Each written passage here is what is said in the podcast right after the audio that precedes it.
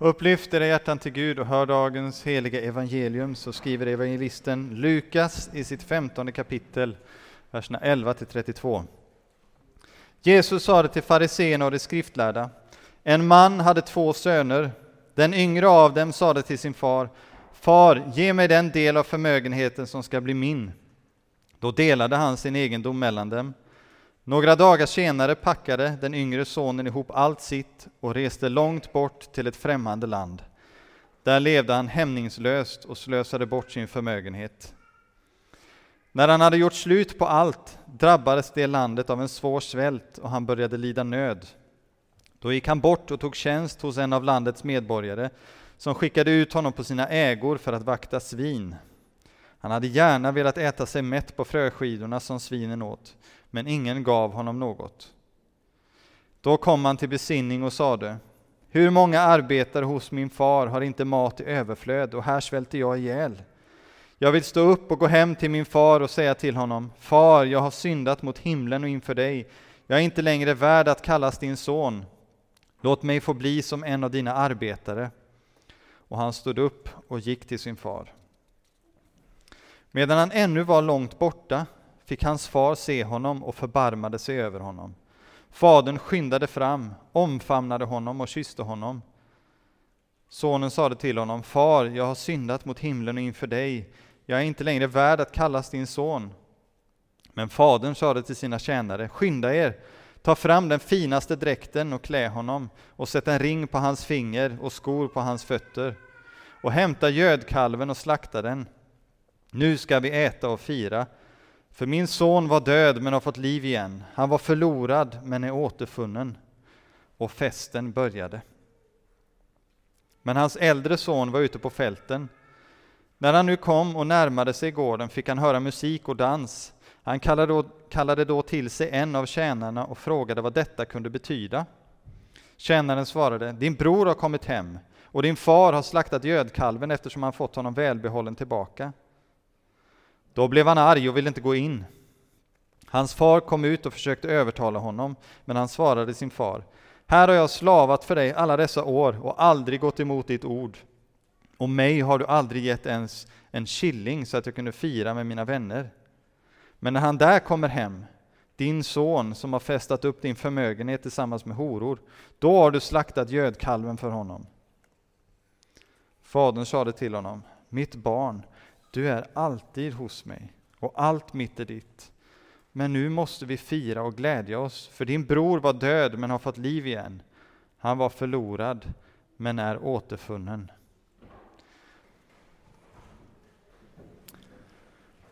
Det är orättvist. Det är en fras som jag har hört ganska många gånger där hemma och förmodligen när jag var liten så sa jag det ganska många gånger själv också. Någon fick godis fast det inte var lördag medan någon annan inte fick det. Någon fick glass i skolan men den andra fick det inte. Någon råkade få lite mindre läsk i sitt glas och så vidare. Det finns någon form av inbyggt rättvisepatos i människan, en känsla av rättvisa som märks både hos barn och vuxna.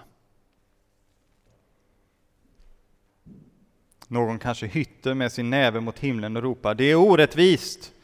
efter att ha råkat ut för något man inte tycker sig förtjäna, eller att någon närstående gjort det. Men detta rättvisepatos saknar ett verkligt rättvist perspektiv. Många människor tänker att om Gud finns så är han rättvis, men de tänker på rättvisa på ett mänskligt sätt, ett väldigt, väldigt relativt sätt. De tror sig vilja ha rättvisa, men då vet de inte vad de ber om. Den som ser sig själv som god ber om rättvisa och får det. En fällande dom. Den som insett, insett sig inte vara god ber istället om barmhärtighet och får det. En frikännande dom. Och i allt detta är Gud rättvis. Det har att göra med den dubbla betydelsen av Guds rättfärdighet som Paulus använder i Romarbrevet. Folkbibeln har genomgående översatt det med rättfärdighet från Gud. Men då får man bara med sig ena delen.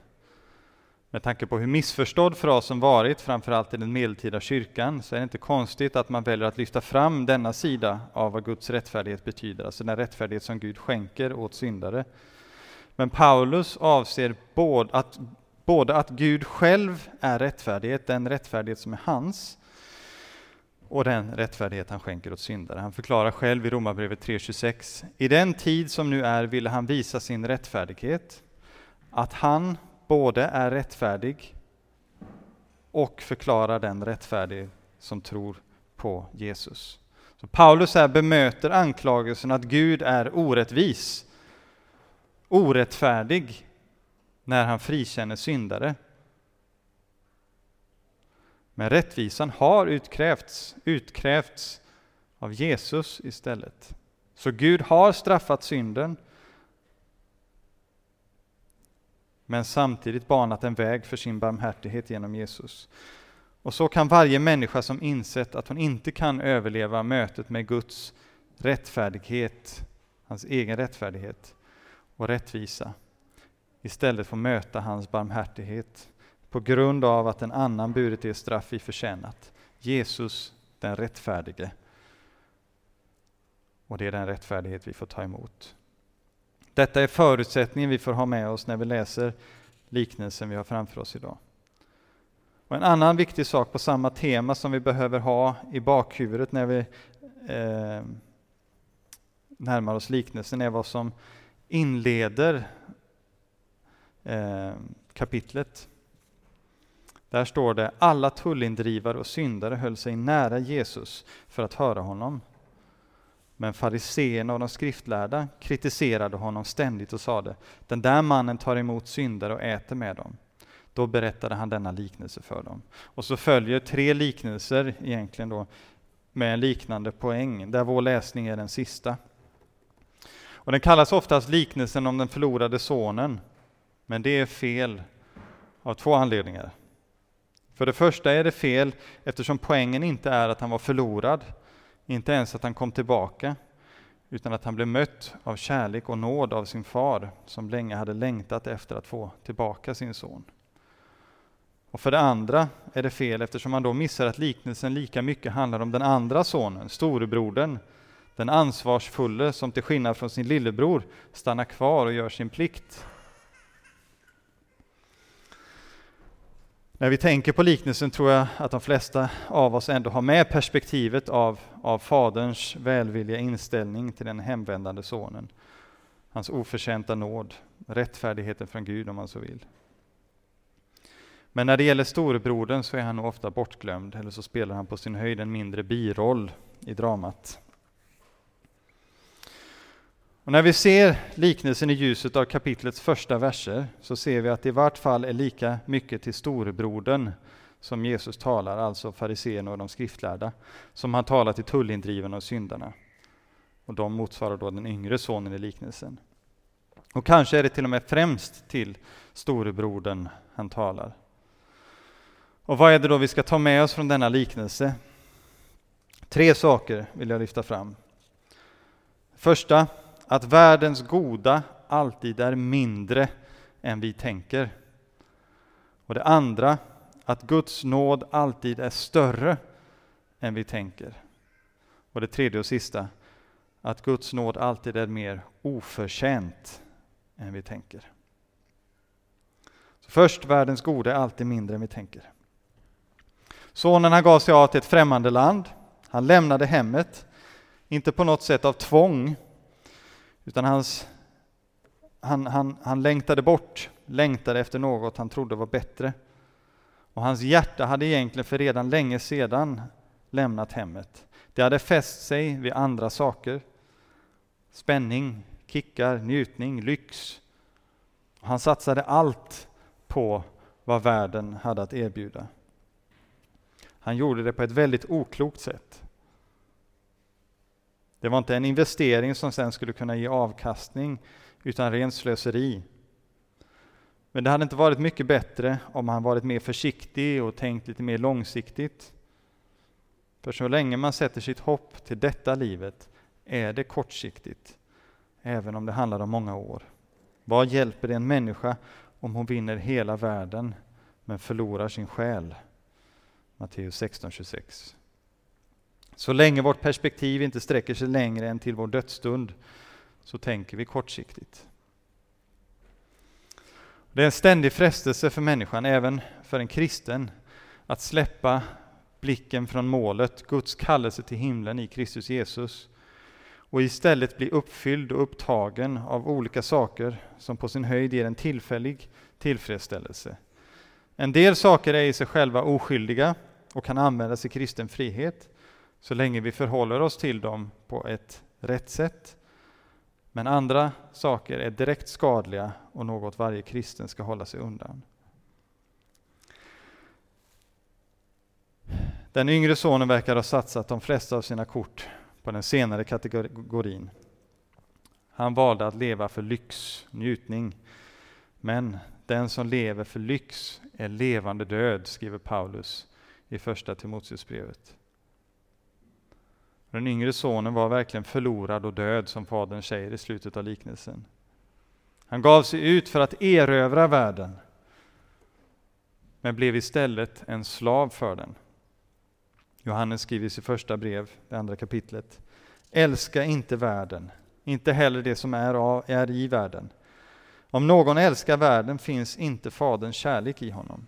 Allt som är i världen, köttets begär och ögonens begär och högmod över livets goda, det kommer inte från Fadern, utan från världen. Och världen och dess begär förgår, men den som gör Guds vilja består för evigt. Det finns bara en sak som kan besegra världen, som Johannes skriver lite senare i brevet, och det är vår tro. Tron på Jesus, han som har segrat över synd, djävul och värld.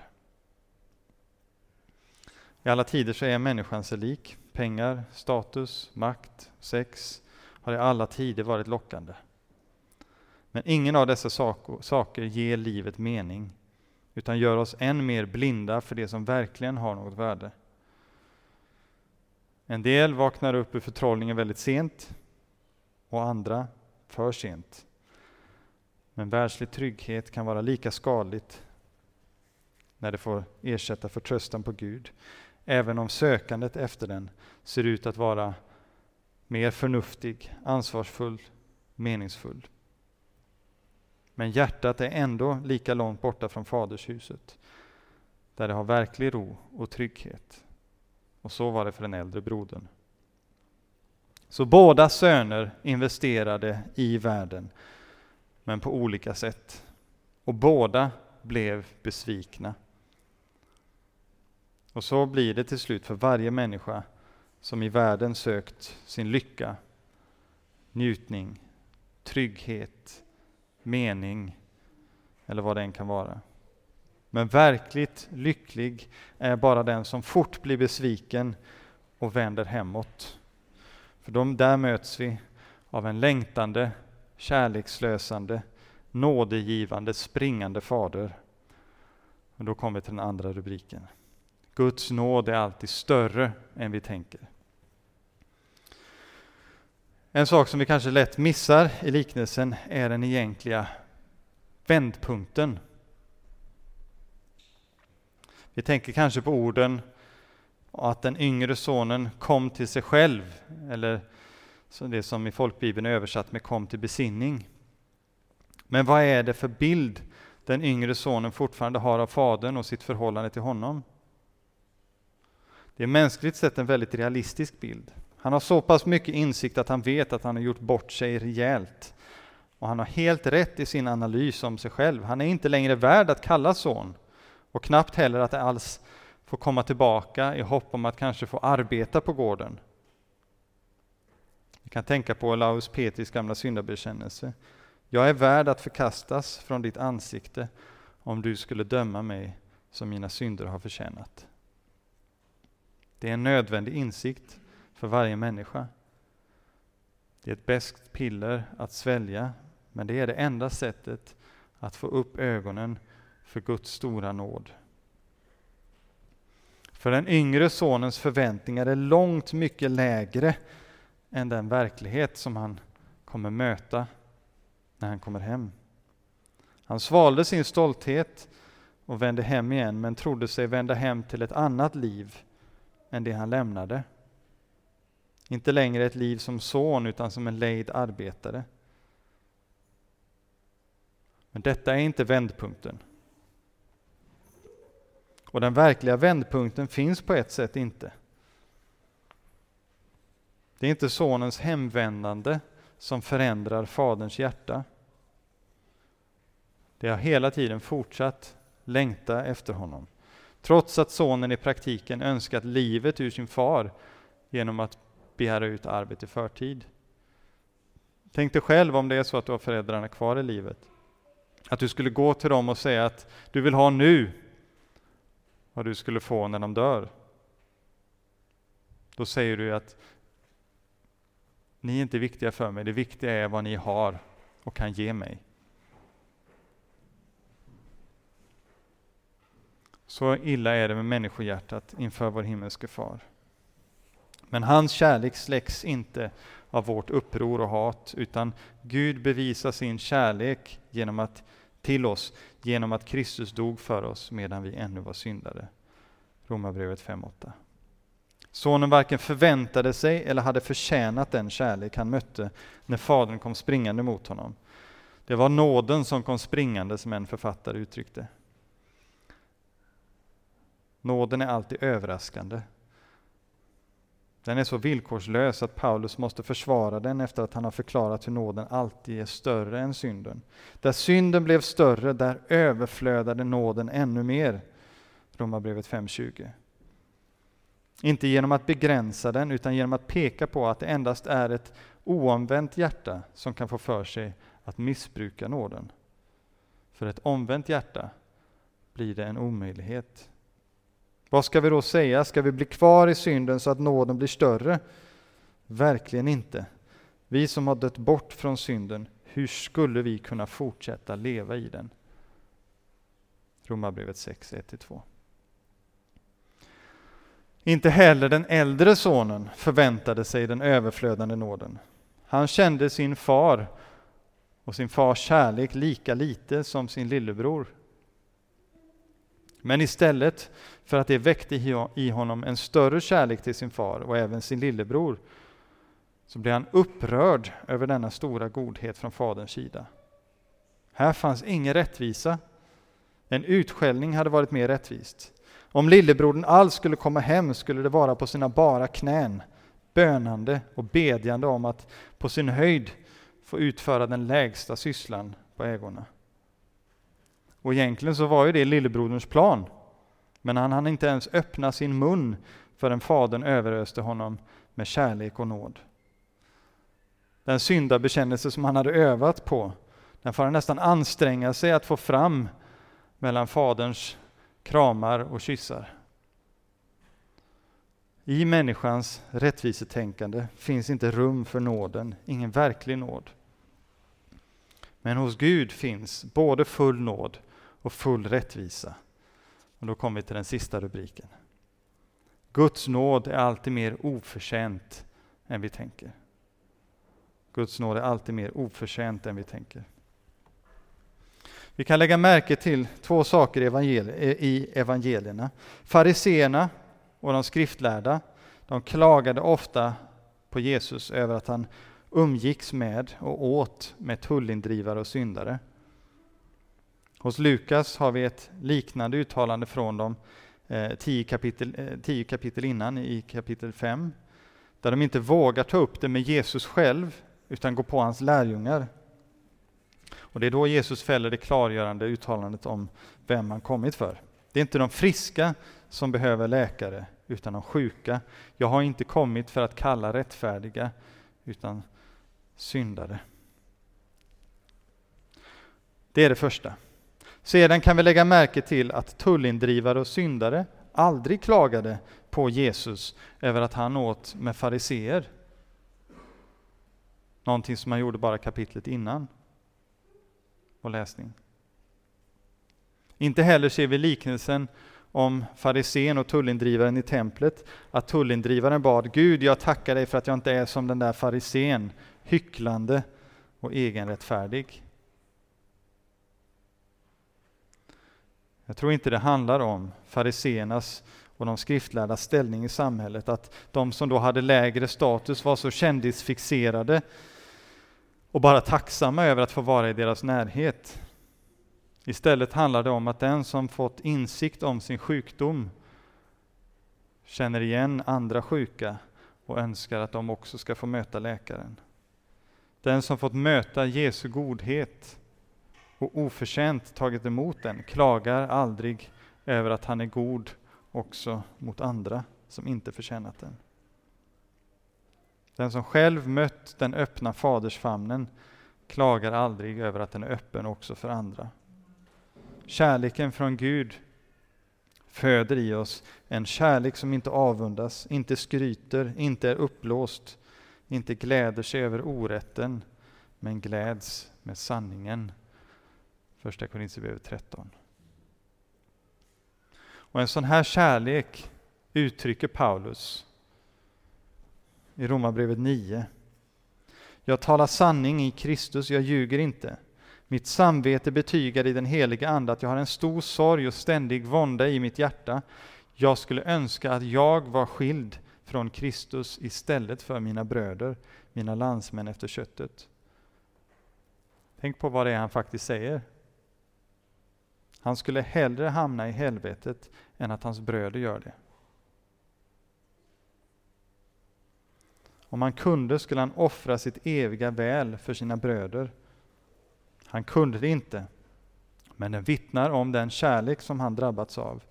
Kristi kärlek som skapar i oss en kärlek lik hans. Vi skulle kunna kalla den för en missionsiver. En nöd för de sjuka, en nöd för de som ännu inte lärt känna Jesus och Guds rättfärdighet, eller rättfärdigheten från Gud. För att lära känna den måste alla försök att producera sin egen rättfärdighet läggas ner. I kapitlet efter Romarbrevet 10 där fortsätter Paulus sitt resonemang om judarnas ställning. Bröder, mitt hjärtas önskan och min bön till Gud för dem är att de ska bli frälsta. Jag kan vittna om att de har en iver för Gud, men de saknar den rätta insikten. De känner inte rättfärdigheten från Gud, och här kan vi egentligen säga Guds rättfärdighet, båda aspekter av den, utan försöker upprätta sin egen rättfärdighet, och därför har de inte underordnat sig rättfärdigheten från Gud. Detta är storebrodern i liknelsen. Han kan inte tåla Guds orättvisa rättfärdighet mot lillebrodern. Och han vill heller inte ta emot den rättfärdigheten som Gud ger. Han lyfter fram sina förtjänster gentemot Faderns oförtjänta godhet mot den yngre sonen. Vi känner igen psykologin i liknelsen. De äldre är ofta de som har större pliktkänsla, vana vid att ta ansvar. Att de kanske fått uppleva eh, högre förväntningar tros också vara en, en orsak till att de ofta är mer framgångsrika och organiserade. Och de yngsta är de som är mer avslappnade, lite mer manjana manjana och ser sig själva som lite roligare, lite mer av en komiker. Skillnaderna är inte alltid jättestora, men tillräckliga för att i alla fall tala om generella tendenser och sen på individnivå finns det alltid många undantag. Men här hos storebrodern handlar det om mer än plikttrogenhet. Det allvarliga är inte att han arbetar hårt och stannar vid sin fars sida. Tvärtom så är det goda saker. Men med honom och skaran eh, av fariseer och skriftlärda som i sonen eh, i liknelsen representerar, så är det som det står i Jesaja 29. Detta folk kommer nära mig med sin mun och ära mig med sina läppar, men håller sitt hjärta långt bort ifrån mig. Därför är deras fruktan för mig bara ett inlärt människobud. Frukta betyder i Bibeln ofta så mycket mer än att vara rädd för, även om den sidan också finns med. Lättare är det att tänka på det som en nära synonym till tro. Deras gudsfruktan, deras tro, saknar motsvarighet i hjärtat. Nog kunde de mycket teologi och nog kunde de citera vers och kapitel för sina ståndpunkter. Men det var ändå bara ett inlärt människobud, för hjärtat var långt borta. Det är inte så svårt att tänka sig att storebrodern har fått ta emot beröm för att han inte stuckit på samma sätt som sin oansvarige och otacksamma lillebror. Att omgivningen har uppmärksammat detta. Och säkert har fadern fått höra då också av grannar att det är lika bra att han har blivit av med en sån odåga som den yngre sonen. Samtidigt som de lyft fram den äldre sonen som ett föredöme för andra, trofast och plikttrogen. Men nu avslöjas det som funnits där i storebroderns hjärta hela tiden. Här har jag slavat för dig i alla år. Slavat. Mitt barn, svarar fadern. Som att han säger, är det så du ser på dig själv, som en slav? Är det så du ser på mig, som en hård slavdrivare? Mitt barn. De två orden rymmer ett brustet fadershjärta. När han nu får tillbaka sin yngre son så visar det sig att han, den han hela tiden trott sig kvar, haft kvar där hemma, i själva verket varit lika långt borta eller längre bort än lillebrodern i sitt hjärta. När hjärtat är så långt borta från Gud kan det inte formas av hans kärlek. Då kan det inte glädja sig över hans godhet, barmhärtighet och nåd. För det är inte rättvist. Det är orättvist. Men prisa Gud för den orättvisan. För vore det inte för den så skulle ingen enda av oss ha något som helst hopp om att bli räddad. Lillebroderns hjärta hade lämnat hemmet före honom själv. Men han fick upptäcka i tid att det världen lockade med var fullständigt värdelöst jämfört med vad det var han hade hos sin far. Och det hjärtat där ute i världen började då vara i fadershuset igen.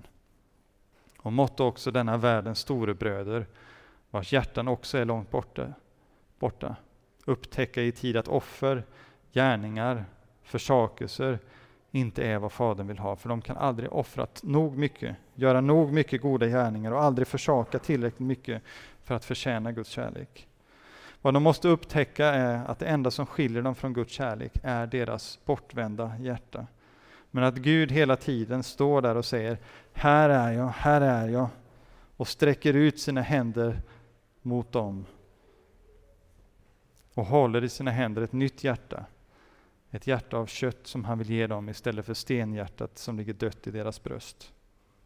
Och när den hjärttransplantationen är gjord, då blir det fest för och stor glädje också över dem. Då blir det lika orättvist för dem. Så vem är du? Är du den yngre brodern som ännu är kvar hemma och längtar efter att få ge dig iväg och leva ut alla begär, suga åt dig allt vad världen har att erbjuda?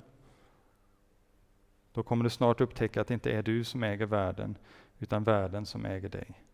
Och då blir du en levande död. Eller är du den yngre brodern som kommer till sig själv fått en rätt bild av sig själv och är på väg hemåt, söker en tro, söker Gud, men inte ser det värdig att få kallas en son eller dotter till Gud. Då har du rätt. Du har inte förtjänat det. Men Guds nåd och kärlek frågar inte efter vad du förtjänat eller inte, utan den frågar om vem Jesus är för dig. Är han den som gjort allt du borde och den som tagit på sig allt du gjort men inte borde? ha gjort. Då vandrar du hemåt på den vägen som heter Jesus. Då möts du av en springande fader som kastar sig om din hals, ger dig rena högtidskläder och ställer till med stor fest. Eller är du den äldre brodern som hela tiden varit kvar hemma, alltid sett dig som en kristen, alltid försökt göra det rätta, eller i vart fall för det mesta?